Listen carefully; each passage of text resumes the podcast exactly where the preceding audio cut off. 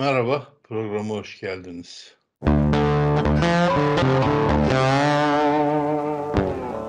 Bugün e, gene garip bir olayla e, ilgili konuşacağız. E, kimle? Zarap'la ilgili konuşacağız.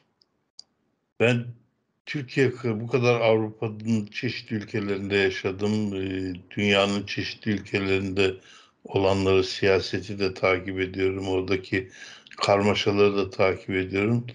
Türkiye'ye kadar e, her an bizleri şaşırtan bir ülke daha görmedim.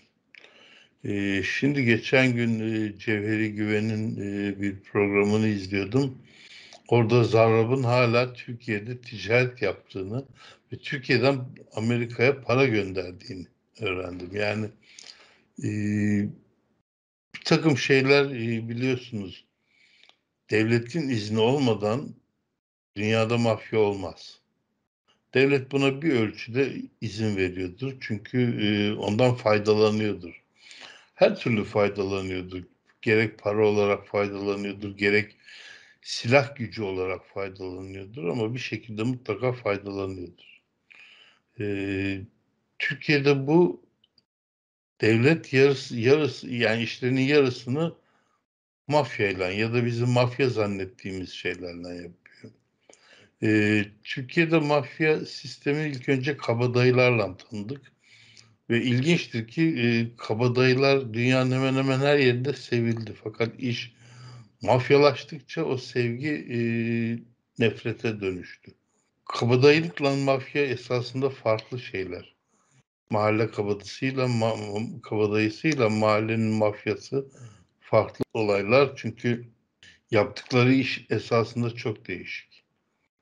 O yüzden bugün e, Zarab'ın Türkiye'den e, nasıl bir takım işleri hala çevirdiğini e, Cevheri Güven'le konuşacağız. Ben bu girişten sonra e, çok fazla konuşmayacağım. Belki ara ara sorular sorarım. Merhaba, hoş geldin Cevheri. Hoş bulduk Ahmet abi.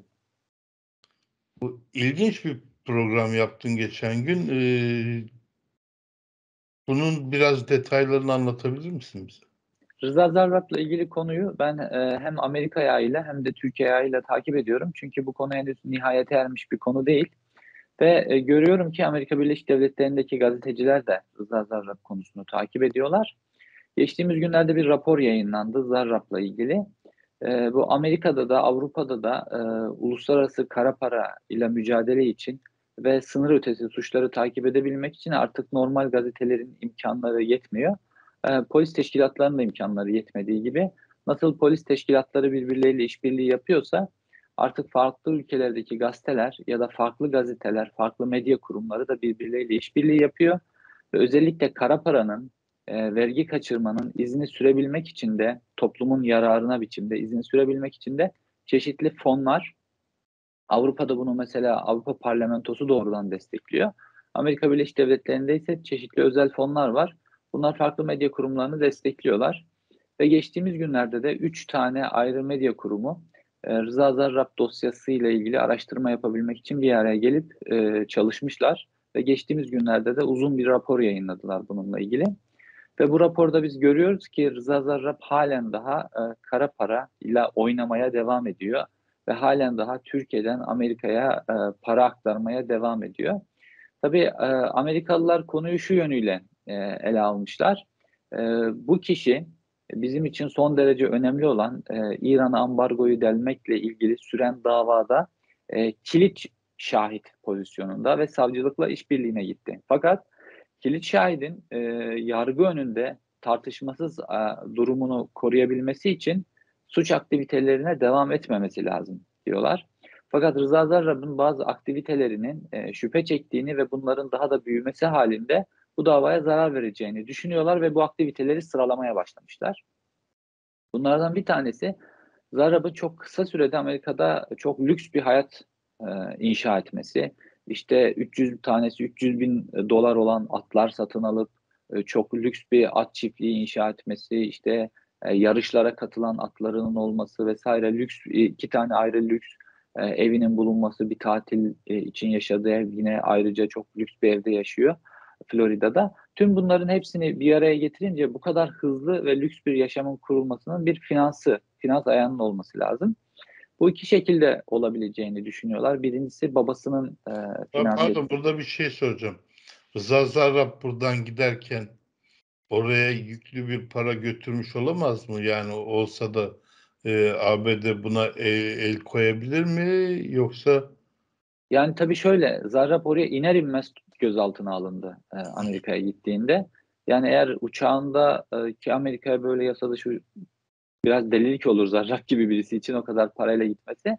Ama yapmış olsaydı bile el konulmuş olacaktı bu paraya. ha, Dolayısıyla bu evet. evet önceden göndermiştir ama el konulmuş olması lazım. Tabii, tabii bu süreçte Ee, e, ki bazı uluslararası firmalarını da Amerika kilitledi, ambargo e, altına aldı vesaire Birleşik Arap Emirlikleri'ndeki vesaire bazı şirketlerini bu dava kapsamında. E, fakat dediğim gibi tahliye olduktan hemen sonra e, çok hızlı biçimde lüks bir hayat kuruyor ve e, rapora göre e, e, savcılıkla anlaşmakla ilgili dilekçesini verdikten bir hafta sonra henüz daha cezaevindeyken e, Türkiye'deki adamları bir şirket kuruyorlar. E, İstanbul'da yeni bir şirket kuruyorlar. Bu şirketin şu an baktığımızda bir web sayfası yok. E, tamamen çakma e, para çevirmek için kurulmuş bir şirket. Raporda da bu, biçimde e, belirtiliyor. Şirketin hiçbir ticari faaliyeti olmadığı belirtiliyor. Buna rağmen çok yüksek ödemeler yapılıyor. Ve sonra bu şirketin e, ödemeleriyle ilgili araştırma kısmına geçiliyor raporda. Ve Rıza Zarrab o kadar rahat ki günlük harcamalarını bile bu şirket üzerinden yapıyor. Mesela sevgilisinin e, at eğitimiyle ilgili, binicilikle ilgili, eğitimiyle ilgili e, öğretmenine verdiği 3500 dolar gibi küçük bir parayı bile bu şirketten ta İstanbul'dan göndertecek kadar rahat. E, onun dışında e, Miami'de yaşadığı evin e, kirasını ödüyor mesela bu şirket. Hani düz mantıkla baktığınızda Rıza Zarrab işte çok saklanıyor, Milli İstihbarat Teşkilatı onu kaçırıp getirebilir filan. Ama öyle değil. Evin kirasını ödüyor ve Türkiye'den e, hangi kime o paranın gittiği görülüyor. Oradan ev sahibinden o bulunabilir filan. Yani öyle bir delil vermekle ilgili bir çekincesi de yok. Türkiye'den çekinmiyor. Zaten hani e, Amerika'da e, işte bu durumlar olduktan sonra, tahliye olduktan sonra bir e, adamıyla da bir görüşme gerçekleştirmişti. Ve sonrasında e, o kişi medya verdiği demeçlerde, o da medyaya açık biçimde verdi.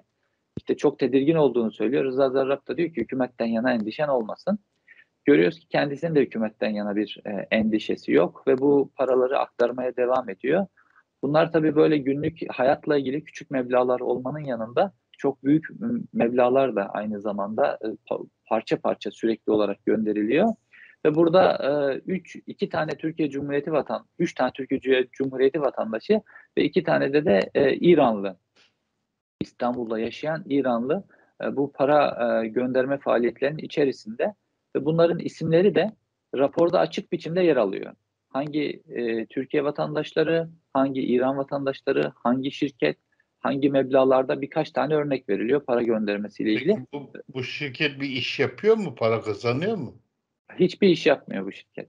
Bu şirket Hazır sadece Var Evet. olan parayı evet yani şirketin içerisine e, diğer şirketlerden para pompalanıyor sürekli olarak. Zarrab'ın biliyorsunuz burada pek çok şirketi var. E, yani baktığımızda hani medyada her şeye el konuldu vesaire böyle bir durum yok. E, diğer şirketlerden bu şirkete para aktarılıyor havuz gibi. Bu şirketse yeni kurulmuş bir şirket olarak parayı sürekli Amerika'ya gönderiyor. Ya bu çok rahatlık, e, dikkat çekici bir şey. Hani Türkiye'de artık döviz bürolarında 100 dolar e, satın aldığınızda kimliğinizi ibraz etmeniz gereken bir durum var. E, insanlar hani yakın çevremizden de biliyoruz. E, Türkiye'den e, yurt dışına böyle yakınlarına böyle küçük bir meblağlar gönderirken bile hani bu bir e, hainlik içerisine sokulur mu filan diye endişe ediyorlar. Bu ortamda çok yüklü ödemeleri Zarrab'ın böyle rahat yapıyor olması hükümetteki korumasının, e, siyasetteki polis teşkilatı içerisindeki korumasının, koruma kalkanının devam ettiğini gösteriyor. Yani kabaca Muammer Güler'in söylediği e, şekilde söylersek birileri Rıza Zarrab'ın önüne yatmaya devam ediyor. evet. İşte bu onun olabilmesi için kimse Rıza Zarrab'ın e, güzel kaşı güzel gözü için bunu yapmaz. Bunun olabilmesi için Rıza Zarrab'ın rüşvet organizasyonunun devam ediyor olması lazım. E, buradan bunu anlıyorum ben. Hani Zarrab gibi iktidar medyası tarafından bir dönem böyle vatan haini ilan edilmiş filan ülkeyi sattı filan gibi gösterilmiş bir adamın bu kadar rahat davranıyor olabilmesi ancak bir korumayla mümkün olduğunu düşünüyorum. Peki bunu, ben... bunu, bunu takip edebilecek olan e, İçişleri Bakanlığı mı Maliye Bakanlığı mı? Bir Normalde var mı? İki birimin takip etmesi lazım. Birincisi MASAK, e, Mali Suçlarla Mücadele e, Biriminin evet takip etmesi lazım. İkincisi de Kaçakçılık ve Organize Suçlarla Mücadele Dairesi. İkisi de mi bağlı? E, MASAK Maliye Bakanlığı'na bağlı. E, KOM Dairesi e, Emniyet Genel Müdürlüğü üzerinden İçişleri Bakanlığı'na bağlı tabii ki. Ya ikisinin takip etmeleri lazım ve bu hani ya Türkiye'ye 10 milyar dolar e, gibi bir ceza kesilebilecek potansiyeli olan bir davadan söz ediyoruz. Yani davanın geçmişi olabilir, siyasetçiler rüşvete bulaşmışlardır, odur budur vesaire ama sonuçta bu 10 milyar doları Türkiye'nin ödememek için bir şeyler yapması lazım, durumu toparlaması lazım. Evet ama ee, şimdi burada Maliye Bakanlığı'nı pek suçlayamayız. Buna bakabilmesi için Maliye Bakanlığı'nın 6 ay yerinde oturabilmesi lazım. yani evet öyle bir durum söz konusu. Ya trajikomik şeylerden bir tanesi de gerçekten bu Cumhurbaşkanlığı sistemine geçildikten sonra bu bakanlıklar birleştirildi, Maliye Bakanlığı kaldırıldı, bütün ekonomi tek çatı altına toplandı filan.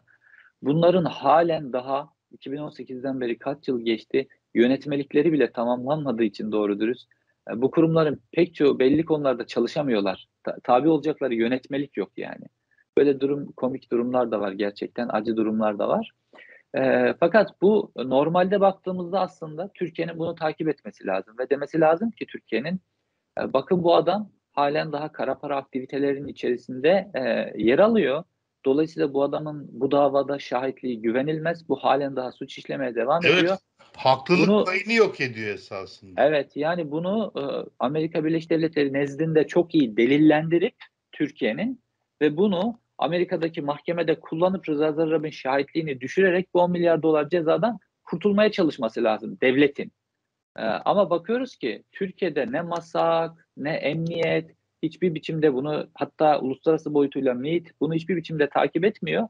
Amerika'daki 3 tane medya kurumu takip ediyor e, onlar raporlaştırıyor. Aslında Türkiye'nin yapması gereken işi bir boyutuyla bakarsak. E, fakat bununla ilgili yine bir adım yok. Hani e, o raporda e, TC vatandaşlarının ve İranlıların İstanbul'da yaşıyor bunların hepsi nasıl aktiviteler içerisine girdiklerini hepsi isimleriyle ve şirket ismiyle e, yayınlanmış olmasına rağmen halen daha Türkiye'de bu kişilere yönelik yasal bir adım atılmadı. Bu işte koruma kalkanının ne kadar güçlü olduğunu bu işten rüşvet alanların halen daha rüşvet almaya devam ettiklerini gösteriyor bence. Yoksa mantıkla ben izah edemiyorum. Bu adamlara neden hala dokunamıyor? İsimleri açıkça ifşa olduğu halde bu raporda. Çok ciddi para dönüyor herhalde ve e, bu iktidar yani bilhassa şimdi 17-25 Aralık da yaklaşıyor. İlk defa bu kadar çok yani paraya doymayan bir e, iktidar görüyorum ve ben bunun çok aleni, çok aptalca yapıldığına inanıyorum. Yani şimdi Türkiye'nin geçmişine baktığımızda işte e, Süleyman Demirel'in yeğeni, Tansu annesinden kalan yastık altında büyüyen parası ve işte Boğaz'da yalı alması, işte e, Mesut Yılmaz'ın hem kendi iş yerini hem çevresindeki işverenlerin işlerini büyütmesi, e, işte e, ölümlerinden sonra sonra Türkeş'in e, çocuklarının para kavgasına o paranın nereden geldiğini bilmiyoruz.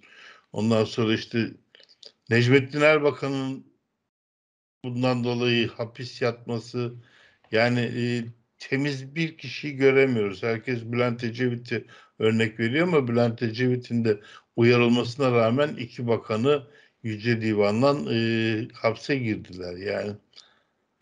Nedense çok partili dönemden itibaren temiz bir tane e, başbakan ve hükümet göremiyoruz. Ama bu sefer sanki çok azıtıldı gibi geliyor bana evet. yani. Burada bir dönüm noktası var bence o yüzden.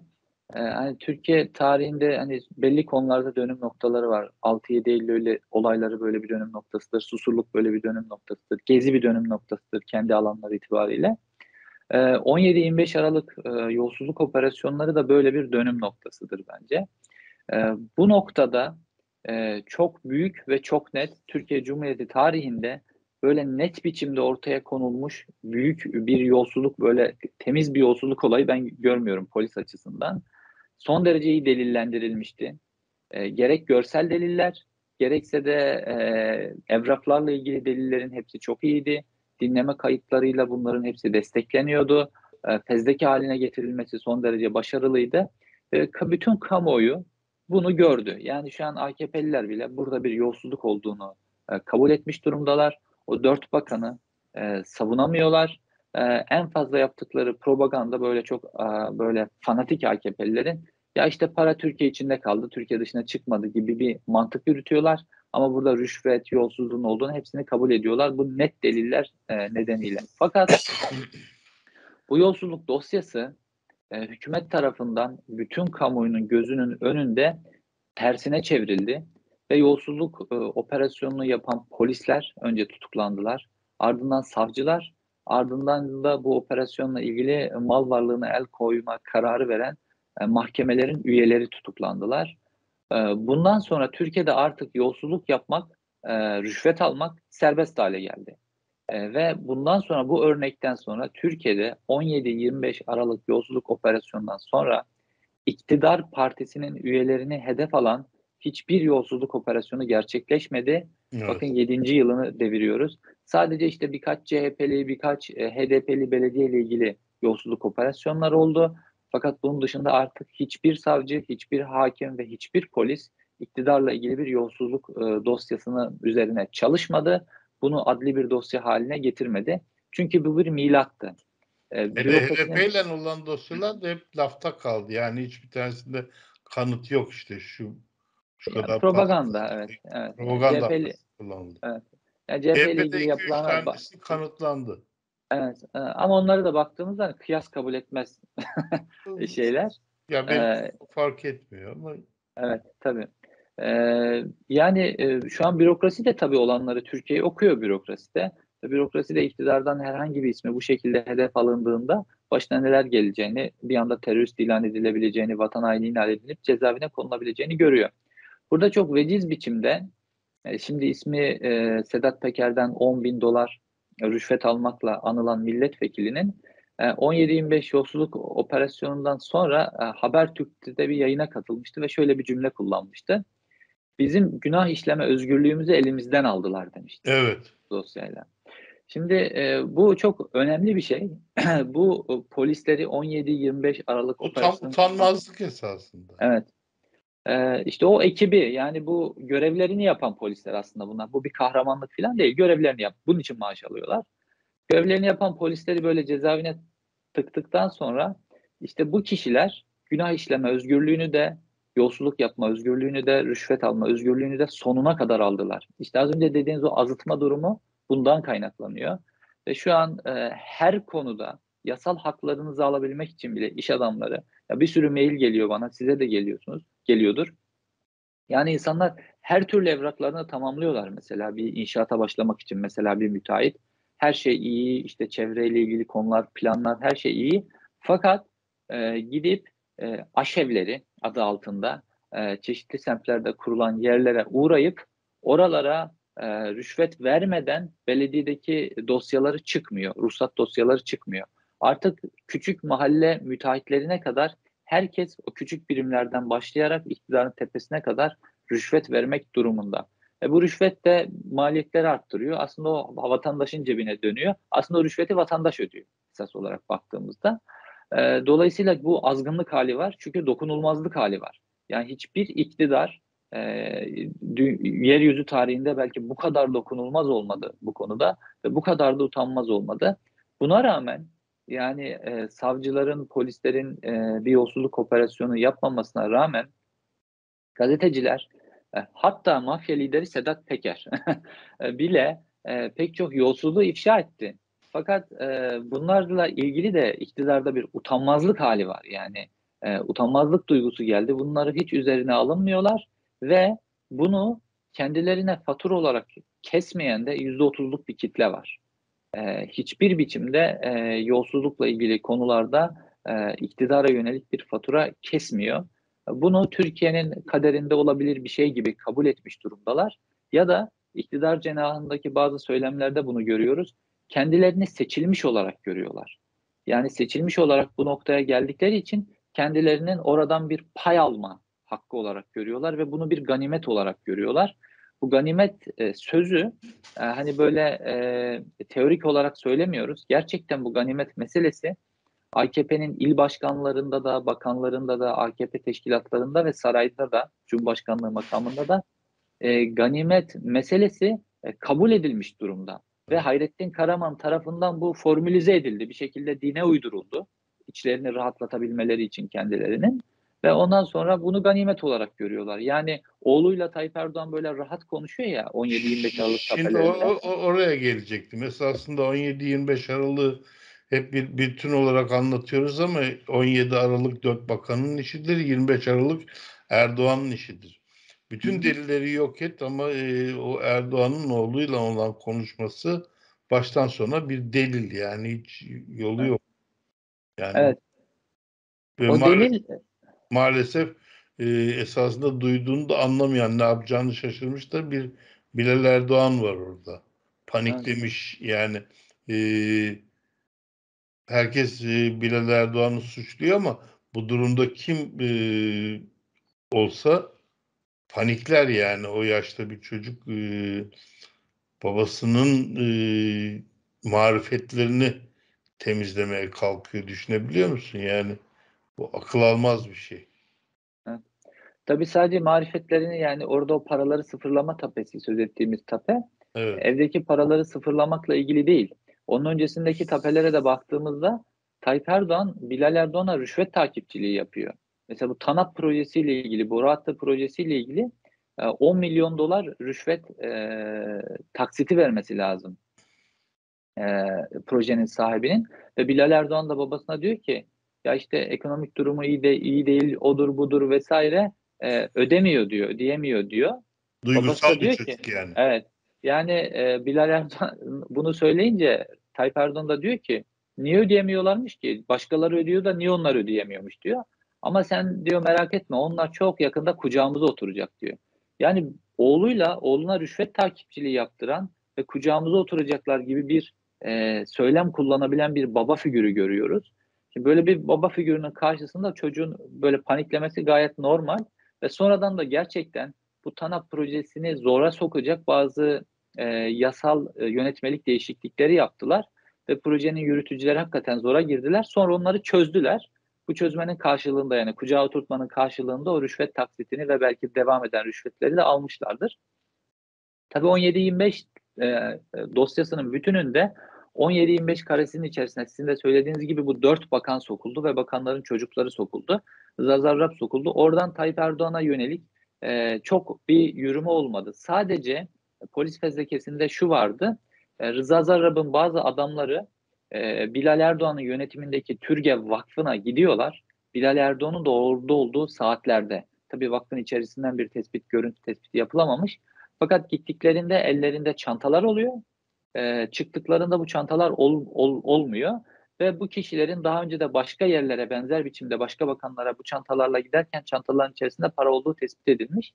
Ve Türgev'e de bu şekilde e, paralar götürdüğüne ilişkin bir bağ vardı. Yani buradan bir Bilal Erdoğan bağı vardı. Fakat e, e, Rıza Zarrab Tayyip Erdoğan'la ilgili e, Tayyip Erdoğan'ın payını vermekle ilgili çok dikkatli davranmış. Daha doğrusu belki Tayyip Erdoğan böyle bir mekanizma kurmuş. E, işin olay, olayı İran ambargosunu delme konusunda olduğu için diğer bakanlar belki daha toy Tayyip Erdoğan'a göre direkt oğullarını kullanmışlar. E, bunu, bunu da e, şundan e, e, anladık biz nasıl Tayyip Erdoğan'ın payı ödeniyor. Çünkü burada böyle yüz milyonlarca dolar dönüyor e, burada Tayyip Erdoğan'ın pay almadan bu bakanların e, bu işin içerisine girip kendi paylarını alması mümkün değil. Yani bu rüşvet işlerinde piramittir. Emniyette de böyledir biliyorsunuz. Yani e, sokaktaki trafik polisi rüşvet alıyorsa anlayın ki o ilin trafik şube müdürüne kadar o piramit gidiyordur. Kesin. Trafik şube müdürü izin verdiği için oluyordur. Yani bu şekildedir bu iş. Ee, ve Rıza Zarrab bunu Amerika'da anlattı nasıl olduğunu. Ve buradan öğrendik biz. e, Tayyip Erdoğan'ın Rıza Zarrab'dan rüşvet almakla ilgili takipçisi Egemen Bağış. Türkiye Cumhuriyeti'nin Avrupa Birliği Bakanı'nı e, kullanıyor rüşvet takipçiliği için Tayyip Erdoğan e, Başbakanlığı döneminde ve o da şu şekilde oluyor. Egemen Bağış yanına hiçbir korumasını, hiçbir ö, özel e, kalemini almadan, hiç kimseyi yanına almadan Esenboğa Havalimanı'na geliyor tek başına. Rıza Zarrab'ın jeti TC Rıza Ankara Esenboğa Havalimanı'na geliyor özel jetler içinde olan C terminaline. Buradan Egemen Bağış'ı alıyorlar. Egemen Bağış gidiyor Rıza Zarrab'ın ofisine. Yine orada hiçbir resmi karşılama yok. Bakan olmasına rağmen resmen. E, ve Rıza Zarrab'ın adamları alıyorlar aprondan. E, götürüyorlar Egemen Bağış'ı. Tayyip Erdoğan'ın payı Egemen Bağış'a veriliyor. Egemen Bağış çantalarla yine aynı rotayı Rıza Zarrab'ın uçağını kullanarak Ankara'ya geliyor ve Tayyip Erdoğan'ın payı bu şekilde getiriliyor. E, dolayısıyla Egemen Bağış üzerinden bu mekanizma yürütülmüş. Zaten bu rıza dosyasına baktığımızda hani mesela Muammer Güler e, polis kendisini takip etmesin diye hizmet sunuyor. E, Türkiye Cumhuriyeti vatandaşına geçmesiyle ilgili hizmet sunuyor vesaire. Zafer Çağlayan'a baktığımızda bu Halkbank'la ilgili ayağının yönetilmesiyle ilgili Zafer Çağlayan hizmet sunuyor. Fakat burada Egemen Bağış Rıza Zarrab Avrupa Birliği Bakanı olarak ne hizmet sunuyor da hem Egemen Bağış'a içinde 800 bin e, dolar olan ayakkabı kutuları hediye gönderiliyor hem de Egemen Bağış işte burada bunu görüyoruz ki Egemen Bağış bu işin içerisinde beyefendinin payını takip etmekle ilgili görevli. Zaten e, polis de çok önemli bir noktayı burada e, yakalıyor. E, paylar meselesinde. E, şimdi bir rüşvet dönüyor ve polis bu rüşvetin bir kısmını takip ediyor. Bir kısmını. E, fakat hepsine vakıf değil. Ne kadar büyüklükte bir rüşvet e, olduğundan. E, bir gün Zafer Çağlayan'ın oğlu problem çıkartıyor. E, ve kendilerine e, yönelik payda bir e, çelişki, ödemede bir çelişki olduğuna ilişkin bir şey söylüyor babasına. Babası da Zarrab'ın adamlarıyla görüşüyor ve burada bir çelişki ortaya çıkıyor. Payı verdim vermedi. Çünkü hani Türkiye'den kaçırılan, İran'a götürülen para filan o miktar belli olduğu için onda belli bir komisyon üzerine anlaşmışlar. Yüzde 4-5 gibi. O komisyonu da işte büyük parçayı beyefendi alıyor. Sonra dört bakan bölüşüyor gibi böyle bir durum söz konusu. Sonra Rıza Zarrab'ın bir defteri oldu ortaya çıkıyor. Ve Rıza Zarrab diyor ki adamlarına şu defteri getirin diyor. Ve defter başka bir yerden getiriliyor muhtemelen önemli bir yerde. Defter getiriliyor. Sonra defter açılıyor. Oradan çek ediliyor e, rakamlar ve çek edildikten sonra Zafer Çağlayan'a hesap sunu, dökümü sunuluyor ve Rıza orada gösteriyor ki ben diyor rüşvetimi tam kuruşu kuruşuna ödemişim onu ispat ediyor. Ve polis işte bu defterdeki o kayıtlar üzerinden olayın ne kadar büyük olduğuna bu noktada e, vakıf oluyor. Şimdi burada çok ilginç bir şey var. E, son soru olarak bunu e, sormak istiyorum. Böyle bir şeyde Erdoğan'ın e, neredeyse e, işte belediye başkanından ayrıldığında parti kurmak için hapse girdikten sonra tek milletvekili olmak için yanına almadığı Binali Yıldırım var ve e, o dönemde 2003'te e, gemi şirketini belediyeden ayrılmadan kuruyor Binali Yıldırım. E, sonra da e, bakanlık e, alıyor. Daha doğrusu e, Ali Müfit Gürtün'a kendisini kovmak zorunda kalıyor belediyeden. Sonra geliyor bakan oluyor. O, olduğu bakanlık Türkiye'deki bütün devlet ihalelerin yüzde altmışını kapsayan bir bakanlık. İşte karayolları, deniz yolları, hava yolları hepsinin ihalesinin olduğu bir bakanlık ve ona bir takım ihaleleri o bakanlığa bir takım ihale, ihaleleri daha ekliyorlar. Yani esas Erdoğan'ın kasası birdenbire Binali Yıldırım oluyor. 17-25 Aralık'ta Binali Yıldırım yok. Evet. Şöyle aslında var. ee, şöyle, Olmaması mümkün değil yani. Evet. Ya şöyle 17-25 Aralık'ın e, popüler kısmı Rıza Zarrab olduğu için biraz işte Ebru Gündeş'le olan ilişkisi vesaire bunun nedeniyle popüler kısım ve e, işin uluslararası ayağı İran ambargosunu delmekle ilgili kısım olduğu için hep Zarrab üzerinden konuşuldu 17-25 Aralık dosyası. Fakat 17-25 Aralık dosyasındaki asıl vurgun inşaat vurgunu, imar vurgunu. Yani bunu yeterince konuşamadık. Oranın içerisinde çok sayıda müteahhit var. Bu beşli çetenin fotoğrafını biz mesela ilk orada gördük. Ali Ağaoğlu var bunun işi içerisinde. Başka büyük o kurumlar da var. Devletten sürekli ihale alan inşaat kurumları. Bunların hepsi var. Zorlu Holding var vesaire. Bunların hepsinin üzerinden dönen rüşvetler var. Ve bunlar da bir şekilde Binali Yıldırım'a gelip Binali Yıldırım'a dayanıyor. Şimdi dediğiniz gibi hakikaten Binali Yıldırım kabinenin içerisine geldikten sonra işte eskiden biliyorsunuz Bayındırlık ve İskan Bakanlığı diye bir bakanlık vardı filan. Bütün o ihale, inşaat işleriyle ilgili farklı bakanlıklarda olan e, konuları filan Bayındırlık İskan Bakanlığı ortadan kaldırdılar vesaire. Hepsini e, Binali Yıldırım'ın altında topladılar evet. inşaat işlerini. E, ve sonra da e, işte e, Çevre Bakanlığı denilen ki asıl duyarlılığı çevre olan bakanlığın yanına şehircilik diye bir şey eklediler. E, ve e, burada normal konutlarla ilgili genel olarak meselelerde Çevre Şehircilik Bakanlığı üzerinden vurgunu yapıp kamu ile ilgili ihalelerden de Binali Yıldırım üzerinden işi organize ettiler. Burada özellikle Binali Yıldırım ayağı 17-25 Aralık dosyasında e, havuz olayında var. E, 25 Aralık'ta Sabah gazetesi e, var biliyorsunuz ve ATV Turkuaz grubu. Bunun el değiştirmesiyle ilgili bir durum söz konusu. Çalık grubundan bu alınmak isteniyor. E, Tayyip Erdoğan Çalık grubunda emanetçi olarak tutuyor. Fakat Çalık hakikaten buraya ödemeler yapmış. Yani gerçek sahip gibi devletten 1.1 milyar TL'ye satın aldıktan sonra Çalık parasını geri istiyor. Bu işten çıkmak istiyor. Tayyip Erdoğan da onu artık tam kontrolünde olacağı bir yere e, e, bir noktaya çekmek istiyor. Fakat 600 milyon dolar gibi bir para ödenmesi lazım Çalık'a bununla ilgili. Çalık'ın hem bankalar olan borçlarını kapatması için hem de o güne kadar ödediği paraları alması için. E, fakat Tayyip Erdoğan bu 600 bin doları kendi cebinden vermek istemiyor. O zaman ne yapıyor? Diyor ki bizim e, bu iş verdiğimiz büyük müteahhitler var işte Beşli Çete dediğimiz ve onun yanında iki kişi daha var. Bunlar buyur havuz oluştursunlar. Bu havuzun içerisine 600 milyon dolar koysunlar. Ondan sonra bu 600 milyon doları da biz götürüp Çalık'a verelim ve Çalık'ta sabah ATV grubunu bize satsın. Sistem bu şekilde. Niye? Çünkü biz bu adamlara çok büyük kamu ihaleleri veriyoruz. Bir, buradan iyi para kazanıyorlar. İki, biz bu adamlara gelecekte büyük kamu ihaleleri vermekle ilgili söz verelim. Mesela 3. havalimanını bunlara vermekle ilgili bir söz verelim diyor. Asıl büyük pasta 3. havalimanı. Ve sonrasında da Ankara, tren garı vesaire bir sürü şey var. Ee, işte o milletin ağzına koyma, koymakla ilgili şey var ya orada gelecek zamanı kullanıyor zaten. Milletin ağzına koyacağız diyor ya. Şöyle bir şey olabilir mi? Yani bu parayı nasıl verelim? Büyük ihaleyle verelim. Bu büyük ihaleyi ortaya çıkartmak için bir şey uydurmamız lazım. Nedir o? Türkiye'nin e, şu anda yani İstanbul'un ihtiyacı olmamasına rağmen üçüncü havalimanı.